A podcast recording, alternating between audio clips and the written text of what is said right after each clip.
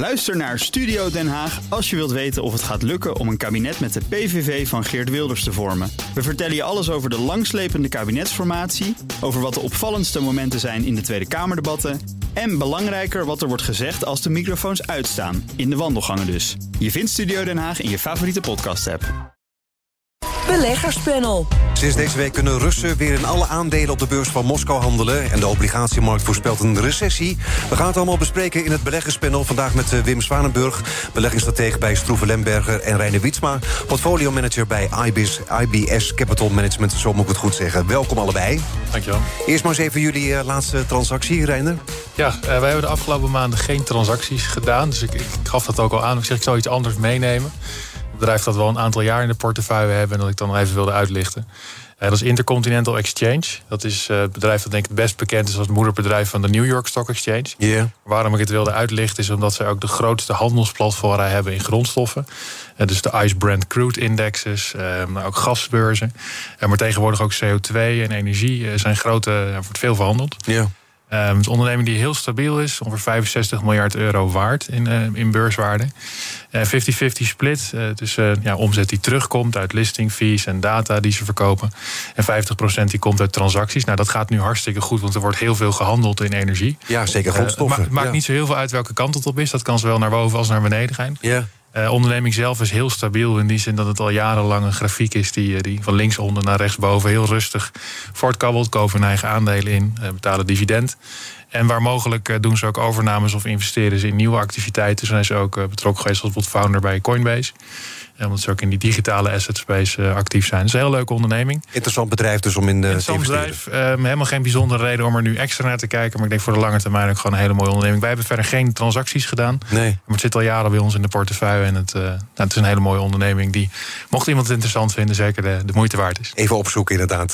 Wim, wat was jouw laatste transactie? Ja, wij hebben een breed gespreide portefeuille. Laat ik even zeggen, aandelenportefeuille... waar we om assetallocatie redenen ook nog wat trekkers omheen hebben gezet. En daarmee regionale accenten zetten.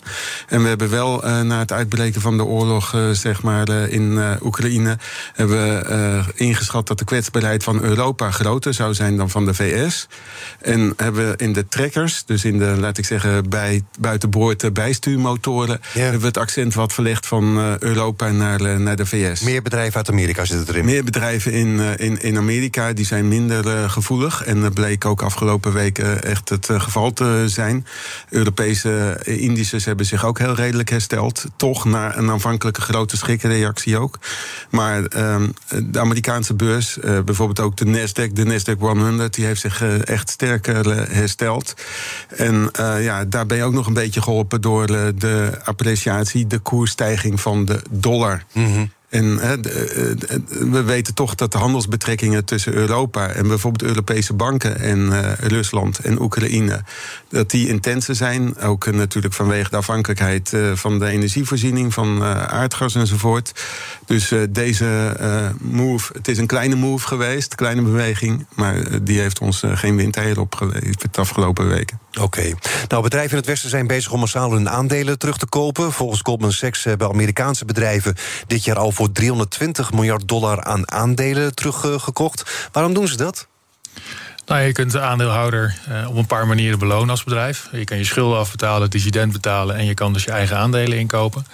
Um, eigen aandelen inkopen heeft het voordeel dat, excuus, als je ermee stopt, um, dat het wat minder opvalt. Zoals een dividend, als je dat schrapt, dan, dan zie je dat heel erg. En het kan van het management een, een uitgesproken mening zijn over de waarde van de onderneming.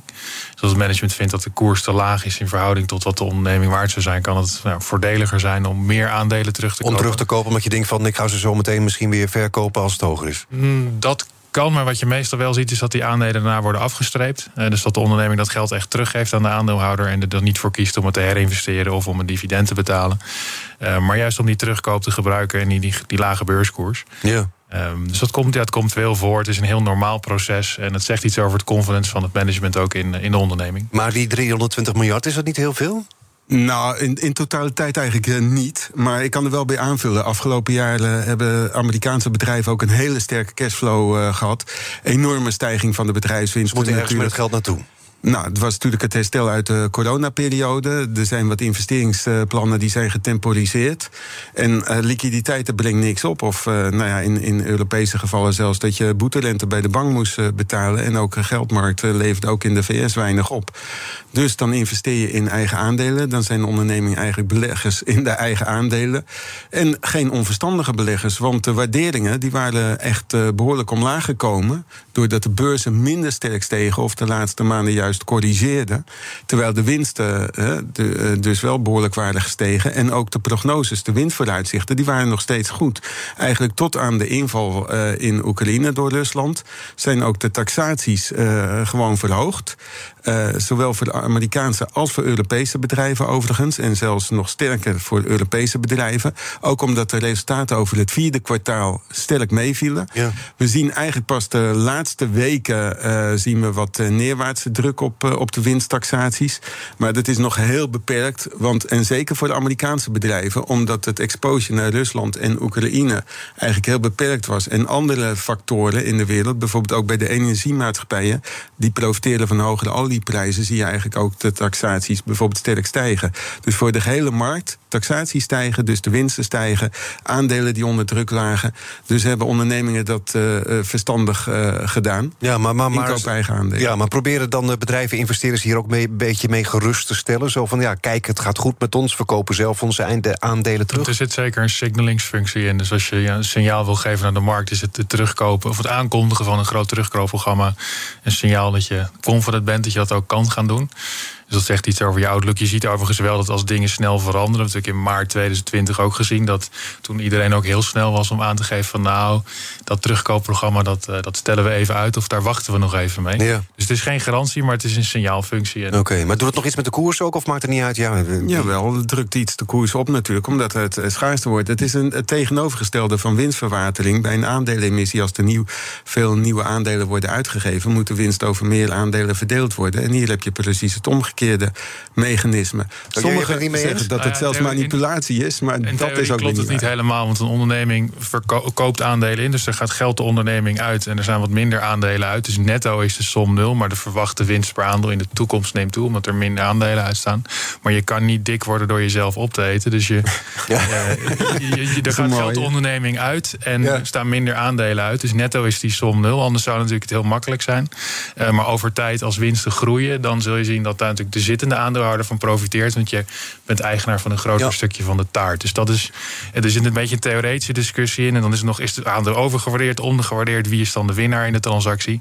Dividenden zijn eenvoudiger. Dan krijgt iedereen gewoon een, een dividend. Er zit nog één, één technisch aspect aan. Amerikaanse com, uh, companies die kopen ook eigen aandelen in. Om dat vervolgens weer te kunnen uitgeven ten opzichte van de transacties als uh, managers, ja. als eigenaren hun optiebezit uh, dat, dat is redelijk normaal. Dat zie je ja. bij ASML en, en andere bedrijven. In maar um, ja, eigenlijk is het wel een verschijnsel wat, uh, wat ook vertrouwen uitdrukt op dit moment in, in, in de markt. En het is geen onverstandige besteding. Nou, Aan de andere kant, investeringen ja. met innovatieplannen.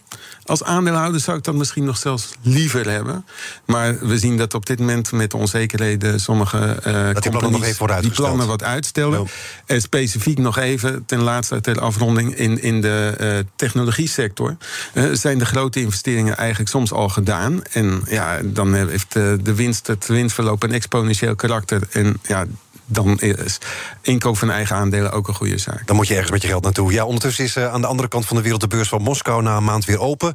Wel met een aantal uh, beperkingen. Afgelopen donderdag mochten Russische bedrijven weer uh, handelen.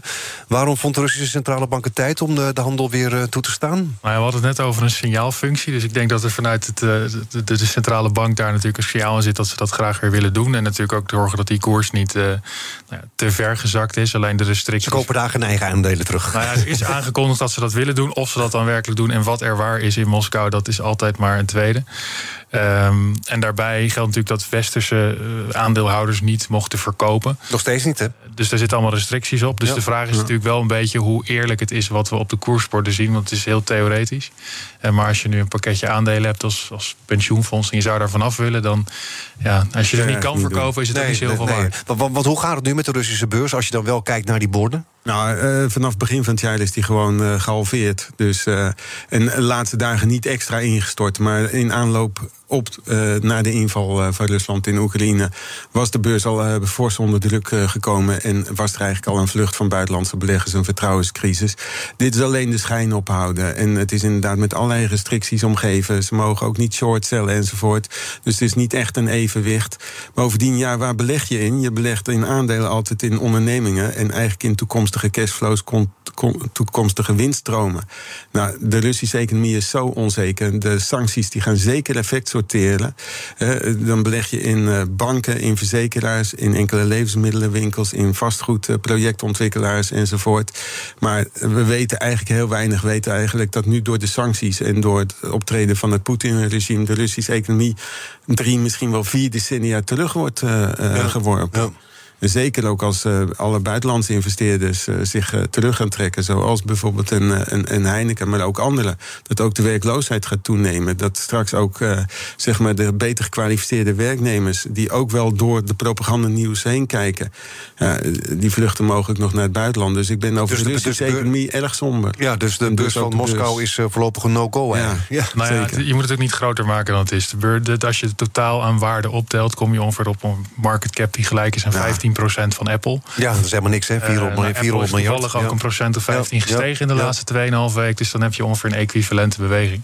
Maar worden de, kunst, uh, worden de koersen nu ook kunstmatig hoog gehouden... omdat de overheid er flink in probeert nou, Als je een groep mensen verbiedt om te verkopen... kun je op zijn minst zeggen dat er niet helemaal sprake is van een vrije markt. Nee, maar wat gaat er gebeuren als het zometeen weer wel mag misschien? dan vermoed ik dat er koersdruk ontstaat. Alleen de vraag is dan uh, hoe en wanneer en onder welke voorwaarden. Um, maar, maar, raak je dan je aandelen wel kwijt? Is dan überhaupt iemand die die aandelen... Er is altijd iemand die het wil kopen op een bepaalde prijs. Want als, als je heel Gazprom kan kopen voor een cent... dan is het op zich nog een leuke gok om te nemen. Dus ergens tussen die cent van mij en, en de koers nu zit de absolute waarheid. Um, en, en ook natuurlijk het tempo waarin bijvoorbeeld pensioenfondsen zouden besluiten... om die aandelen te verkopen, hebben allemaal invloed. Maar dat zijn veel ifs en, uh, en buts. Maar vrije marktmechanismen kunnen we natuurlijk in Rusland volledig vergeten. Dat is wel even, ja. Nou ja, we hebben gisteren ook inderdaad gezien dat Heineken zich nu helemaal uh, terugtrekt uit uh, Rusland. Maar ze gaan nog niet in één keer, hè? Nee, eerlijk gezegd vind ik het dat toch wel redelijk uh, sociaal. Ze, ze, ze, bieden de werknemers nog salarissen. Ze proberen eventueel. Tot het einde van het jaar? Tot het einde of het einde van volgend jaar. Uh, ze nemen al uh, wel een behoorlijke voorziening. Ja, potentieel was Rusland natuurlijk toch een, ook een, een, groeimarkt. De stijgende welvaart van de afgelopen, laat ik zeggen, 30 jaar sinds de val van de muur. Maar goed, de laatste 15, 20 jaar toch wel ernstig belemmerd door, door ja, het centralisme van, van Poetin en eh, de gevaarlijke militaire en economische politiek die hij uh, voert. Dus die groeimarkt, het groeipotentieel uh, uh, valt volledig weg.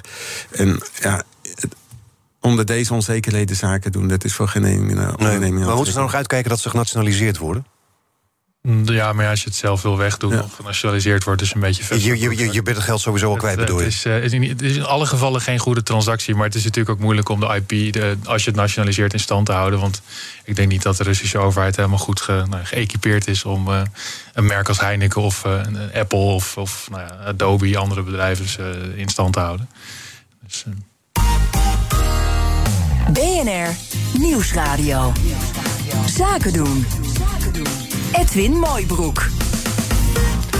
En we zitten midden in het eh, beleggerspanel vandaag met eh, Wim Zwanenburg, beleggingsstratege bij Stroeven Lemberger en Reiner Wietsma, portfolio manager bij IBS Capital Management.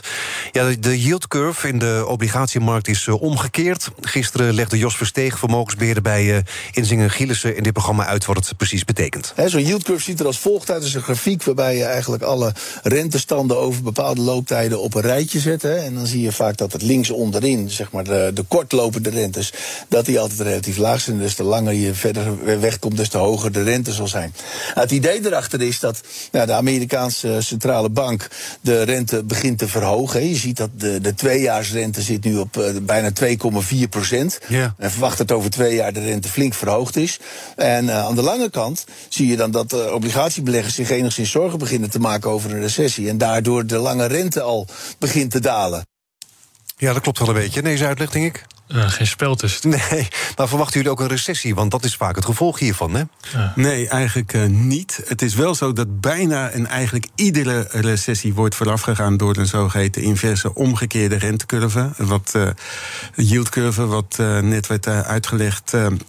en dat de korte kant hoger is dan de lange kant. Maar omgekeerd een inverse yieldcurve wordt niet altijd gevolgd door een uh, recessie. En waarom denk ik dat er uh, geen recessie komt en ook het stagflatierisico in de markt wat overdreven is? Dat is toch uh, vanwege de hele sterke arbeidsmarkt en de hoge baanzekerheid. Als je nu Omdat kijkt naar de vertrouwensindicatoren, dan is, zijn die heel zwak. Die zijn echt ook verslechterd natuurlijk naar aanleiding van, van de oorlog. Maar ik denk dat de feitelijke bestedingsbereidheid eigenlijk veel groter is. Als mensen nu gevraagd worden van hoe ze erover denken, dan, dan worden ze natuurlijk door uh, allerlei negatieve factoren beïnvloed. Door de onzekerheid van de oorlog, door de oplopende inflatie, die ook de koopkracht uh, aantast. Maar als je bijvoorbeeld kijkt naar. Uh, we, zijn, we komen uit een herstelfase, twee jaar ingehouden consumptie vanwege corona dan is er gewoon een bestedingsdruk. Mensen willen naar buiten, mensen willen besteden. Er zijn ook weer uh, mogelijkheden. Dus die recessie valt wel een beetje mee. En dat zie je ook terug bijvoorbeeld in de hele sterke bestedingen in de Amerikaanse detailhandel uh, verkopen. Denk jij dat ook dat er geen recessie komt? Oeh, nou, ik heb in de afgelopen 26 maanden een beetje afgeleerd om hele harde voorspellingen te nou, doen over dit nou, soort exercities. Probeer eens. Um, maar wat, wat het verschil tussen een, een, echte recessie, zoals we natuurlijk recent hebben gehad met corona, en een wat meer boekhoudkundige recessie, waarin we dus twee kwartalen op rij niet heel hard meer groeien. En dan is er nog het verschil tussen wat je echt in de portemonnee echt te besteden hebt. Ja. En um, nou ja, die, die, dus er zitten wat, wat, wat uh, nuances in. Um, en, en op zichzelf hoeft het ook voor aandelenmarkten niet heel veel uit te maken als we een kleine recessie hebben. In die zin dat we boekhoudkundig dus twee kwartalen. Ja, maar als, als hij klein is, als hij niet langdurig is. En daar heb je misschien bij ja. uh, Wim aan dat een sterke arbeidsmarkt is natuurlijk een, is op dit moment heel fijn. En de meeste ja, keren dat we een recessie ingingen, hadden we ook een hele sterke arbeidsmarkt. Dus 2007, uh, voor de coronapandemie, we hadden we een hele sterke arbeidsmarkt. Dus sterker nog, die loongroei was heel goed. Mhm. Mm -hmm. uh, het probleem altijd is met het observeren van het nu, dat je iets wil zeggen over de toekomst en we zien hoe snel dat ook kan veranderen. Uh, dus vanuit die hoedanigheid is het, is het lastig om dat uh, ja, te nauwkasten. Maar de, de yield curve geeft wel aan dat beleggers nu een hele grote verkrapping verwachten van de centrale bank. Maar, maar dat komt dan door de oorlog in Oekraïne? Uh, nee, ik denk dat dat versterkt door die, uh, is. Door die uitspraken van Powell eigenlijk uh, vorige week maandag zijn speech... toen de Fed onlangs het rentebesluit nam. Dat was, laat ik zeggen, ruim anderhalve week geleden. Toen ging de markt er nog vanuit dat ze geleidelijk stapjes zouden zetten... van een kwart procent. En, en, de Fed kreeg direct het verwijt dat ze de inflatie niet serieus namen... en dat ze eigenlijk behind the curve waren. Dus achterliepen met hun beleidsaanpassingen. En toen heeft Powell vorige week maandag een speech gehouden... Amerikaanse business club. En gezegd van, nou ja, in het kader van whatever it takes, een beetje ja. naar Draghi uh, refererend, uh, van uh, wij doen echt wat nodig is. Dat ze niet zouden terugdeinzen om met 50 basispunten een half procent te verhogen. En dat ze iedere beleidsvergadering dit jaar een, een, stap zouden nemen. Nou ja, dan zit je toch ieder, aan het eind van het jaar zo rond de 2 procenten, misschien wel daarboven. En daarom dus, is die korte rente ook zo flink Daarom gestegen. is die korte rente en de zogeheten Federal Funds Futures, dat zijn de termijncontracten voor de geldmarkttarieven, die zijn ook daarmee omhoog gestuurd. Hè. Die reflecteren die verwachting van wat de Fed gaat uh, doen.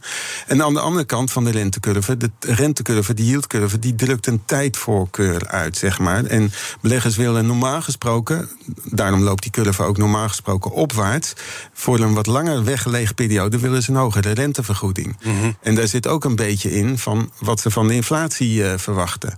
Nou, we zien eigenlijk nu dat de inflatie hoog is. Maar als je kijkt naar bijvoorbeeld allerlei enquêtes, University of Michigan, zie je wel dat beleggers en, en andere uh, economische actoren er rekening mee houden dat deze hoge inflatie toch wel een tijdelijke zaak is. Als ook de energieprijzen weer gestabiliseerd zijn, ja, dat dan de inflatie ook uh, lager wordt. En nou, daarom zie je dat lange eind van die uh, yieldcurve niet zo erg omhoog gedrukt worden. Wat je trouwens ook nog zou mogen verwachten, gezien het feit dat de centrale banken ook hun inkoopprogramma's gaan staken. Dus ja, nou ja. Nou ja, uit het lange rente blijkt dat de markt dat niet doorextrapoleert. Nee. In die zin, als je 30 jaar geld kan lenen aan de Amerikaanse overheid en 2,5% rentevergoeding wil, dan verwacht je niet dat die inflatie, die cijfers die we nu hebben, dat die stand houden. En daarmee wordt er dus ook de facto heel veel vertrouwen. Anders zou die rente wel hoger zijn. Anders dan zou je een ander tarief willen hebben. Ja. En het spreekt natuurlijk ook vertrouwen uit in de centrale bank. Um, en daarbij, als je het heel theoretisch maakt, maar je zou de rente vandaag gewoon een hele grote stap verhogen, heeft natuurlijk direct impact op de echte economie. Dus de huizenmarkt in Amerika heeft natuurlijk echt wel last van het feit dat de hypotheekrente daar van 2,5 naar nu 5 procent is gegaan. Nou ja, in Nederland stijgt het ook al. Hè? In Nederland ook. En uh, kijk, er is een punt. Ik bedoel, 1, 2 procent is dan een beetje grijs. Maar als je bij 10 procent bent aangekomen, voelt iedereen wel dat dat heel veel pijn gaat doen. Ja. En ergens daartussen zit natuurlijk een breekpunt. Uh, dus dat, uiteindelijk eh, heb je als centrale bank heel veel macht. Alleen hoe je dat doet. Ja. Uh, dat is altijd... Die inverse yield curve die is ook een beetje de weerspiegeling van de vrees, de angst dat de centrale banken aan het eind van de rit, na een aantal maanden, kwartalen, eigenlijk te hard op de rem drukken. En daarmee dus de economie te veel afremmen. En, nou ja, en in Europa is er niks gebeurd, hè? Nee, de, de, nou, de, markt prijst er wel wat in. Nou, dus de markt prijst dit jaar ook in dat er wel renteverhogingen komen. En die inprijzing is natuurlijk wat je ook als consument betaalt, want daarom stijgt de hypotheekrente ook. Dus de centrale bank doet veel meer met praten. En dan gaat de markt ja. dingen inprijzen dan dat ze doen met daadwerkelijke acties. Ja. Die volgen daarna pas. Maar wat ik begrijp, vinden jullie ook eigenlijk dat de centrale bank ook niet te hard op de rem moeten trappen. Dat ze niet de rente te hoog moeten maken. Nou, ik denk de geleidelijkheid is, uh, is, is, de, is de beste. Maar wat je nu ziet, hè, de, de, de rente die, die stijgt, de obligatiekoersen staan echt onder forse druk. De obligatiebeleggers hebben dit afgelopen kwartaal, eerste kwartaal van 2022, een behoorlijke schade geleden. Je ziet eigenlijk zelfs ook dat grote beleggers, institutionele beleggers, ook hun voorkeur nog meer van vastrentend naar aandelengerichte beleggingen gaan verschuiven. En dat aandelenbeleggingen ook als een betere inflatiehedge-bescherming worden beschouwd. Hè? Omdat op termijn bedrijfswinsten blijven stijgen op rente. Zo ja. zorg je ervoor inderdaad dat je geld niet waard wordt. -hmm. Vind jij ook dat, dat de centrale banken moeten uitkijken dat ze niet te hard op de rem trappen? Oeh ja, ik, ik, ga weer een beetje mijn oude mantra schieten. Maar dat is uh, heel lastig, omdat um, ze, hebben een ze hebben twee taken of één taak. Maar in ieder geval prijsstabiliteit is een hele belangrijke. Daar is nu op, geen sprake van. En binnen dat mandaat doen ze nu hele verstandige dingen, wat mij betreft. Um, maar of het te hard is, hangt ook weer af van dingen die nog moeten gaan gebeuren. Ja. We weten niet hoe het oorlogsconflict afloopt, uh, hoe de lockdown is. Tijdens structurele factoren ja, ja. onderscheiden. Dat is altijd het moeilijke bij beleidsvorming. Nog even kort, uh, Shanghai. Jij voor het eerst ook een coronalockdown. Shanghai heeft als handelscentrum en het financiële centrum van China veel invloed op de mondiale toeleveringsketen. Ja, dat kwam net weer een beetje op orde. Nu uh, dan misschien uh, weer een kink in de kabel maken. Beleggers zich al zorgen? Nou, op de beurzen zie je weinig spectaculaire bewegingen. In die zin dat corona na twee jaar ook een bekend fenomeen is. En een tijdelijke lockdown is denk ik ook niet iets wat heel lange termijn impact. Het is lastig, maar niet onoverkomelijk. Als het alleen een, een ja, jarenlang patroon blijft, denk ik dat het ook voor China niet goed is. Omdat je dan gewoon veel minder zekerheid hebt. Nou ja, ze hebben daar natuurlijk geprobeerd om corona buiten de deur ja, te houden. Die vaccinatieprogramma's zijn minder goed. En de Chinese overheden schrikken er niet voor terug om inderdaad een strenge, strakke lockdown toe te passen op echt hele grote stedelijke gebieden. En ja, het is nog steeds de industriekamer van, de, van deze wereld. Ja, maar zo kan je dus natuurlijk ook jaren misschien doorgaan. Dat ze steeds inderdaad in lockdown ja. gaan. Iedereen, iedereen weer testen. Dus we hebben er wel last ja. van. En een paar weken later kan je het hele feest weer opnieuw tekort gaan aan onderdelen, tekort aan chips en dat soort zaken. Dat, dat kan blijven voortduren. En ja, dat zal de Europese beleidsmakers en ondernemers er ook toe nou ja, dwingen en op, op richten van, om, om hele distributieketens opnieuw te beoordelen en meer de productie hier naar het westen te halen. Ja, dat wordt al jaren gezegd. Ja, het maar is ook heel lastig. Noodzaak weer extra aangetoond. Ja, het is ook lastig, maar goed, iedereen zegt het steeds. Maar dan denk ja, ik van ja. Het klinkt ook heel fijn. Alleen als je hier dan vervolgens een fabriek moet bouwen en een vergunning nodig hebt en iets met PFAS en andere dingen, dan blijkt het toch allemaal weer dan ben je bijzonder. jaren verder inderdaad. Precies, en dan kun je misschien beter een Chinese lockdown accepteren op zijn tijd dan dat je die discussie aangaat. Ze zeggen altijd goede spreiding van beleggingen, maar dat moet je ook doen met je distributieketens als, als, als ondernemer. Hè. Te, probeer de afhankelijkheden te reduceren. Dat is okay. ook goed risicomanagement. Dank jullie wel. Wim Zwanenburg, beleggingsstratege bij Stroeven Lemberger... en Reine Wietsma, portfolio-manager bij IBS Capital Management. Ook Diana Matroos vind je in de BNR-app. Ja, inderdaad. Je kunt live naar mij luisteren tijdens de Big Five. Ook handig in de BNR-app. Breaking nieuwsmeldingen, maar ook het allerlaatste zakelijke nieuws. En je vindt in de app alle BNR-podcasts, waaronder Wetenschap Vandaag. Download nu de gratis BNR-app en blijf scherp.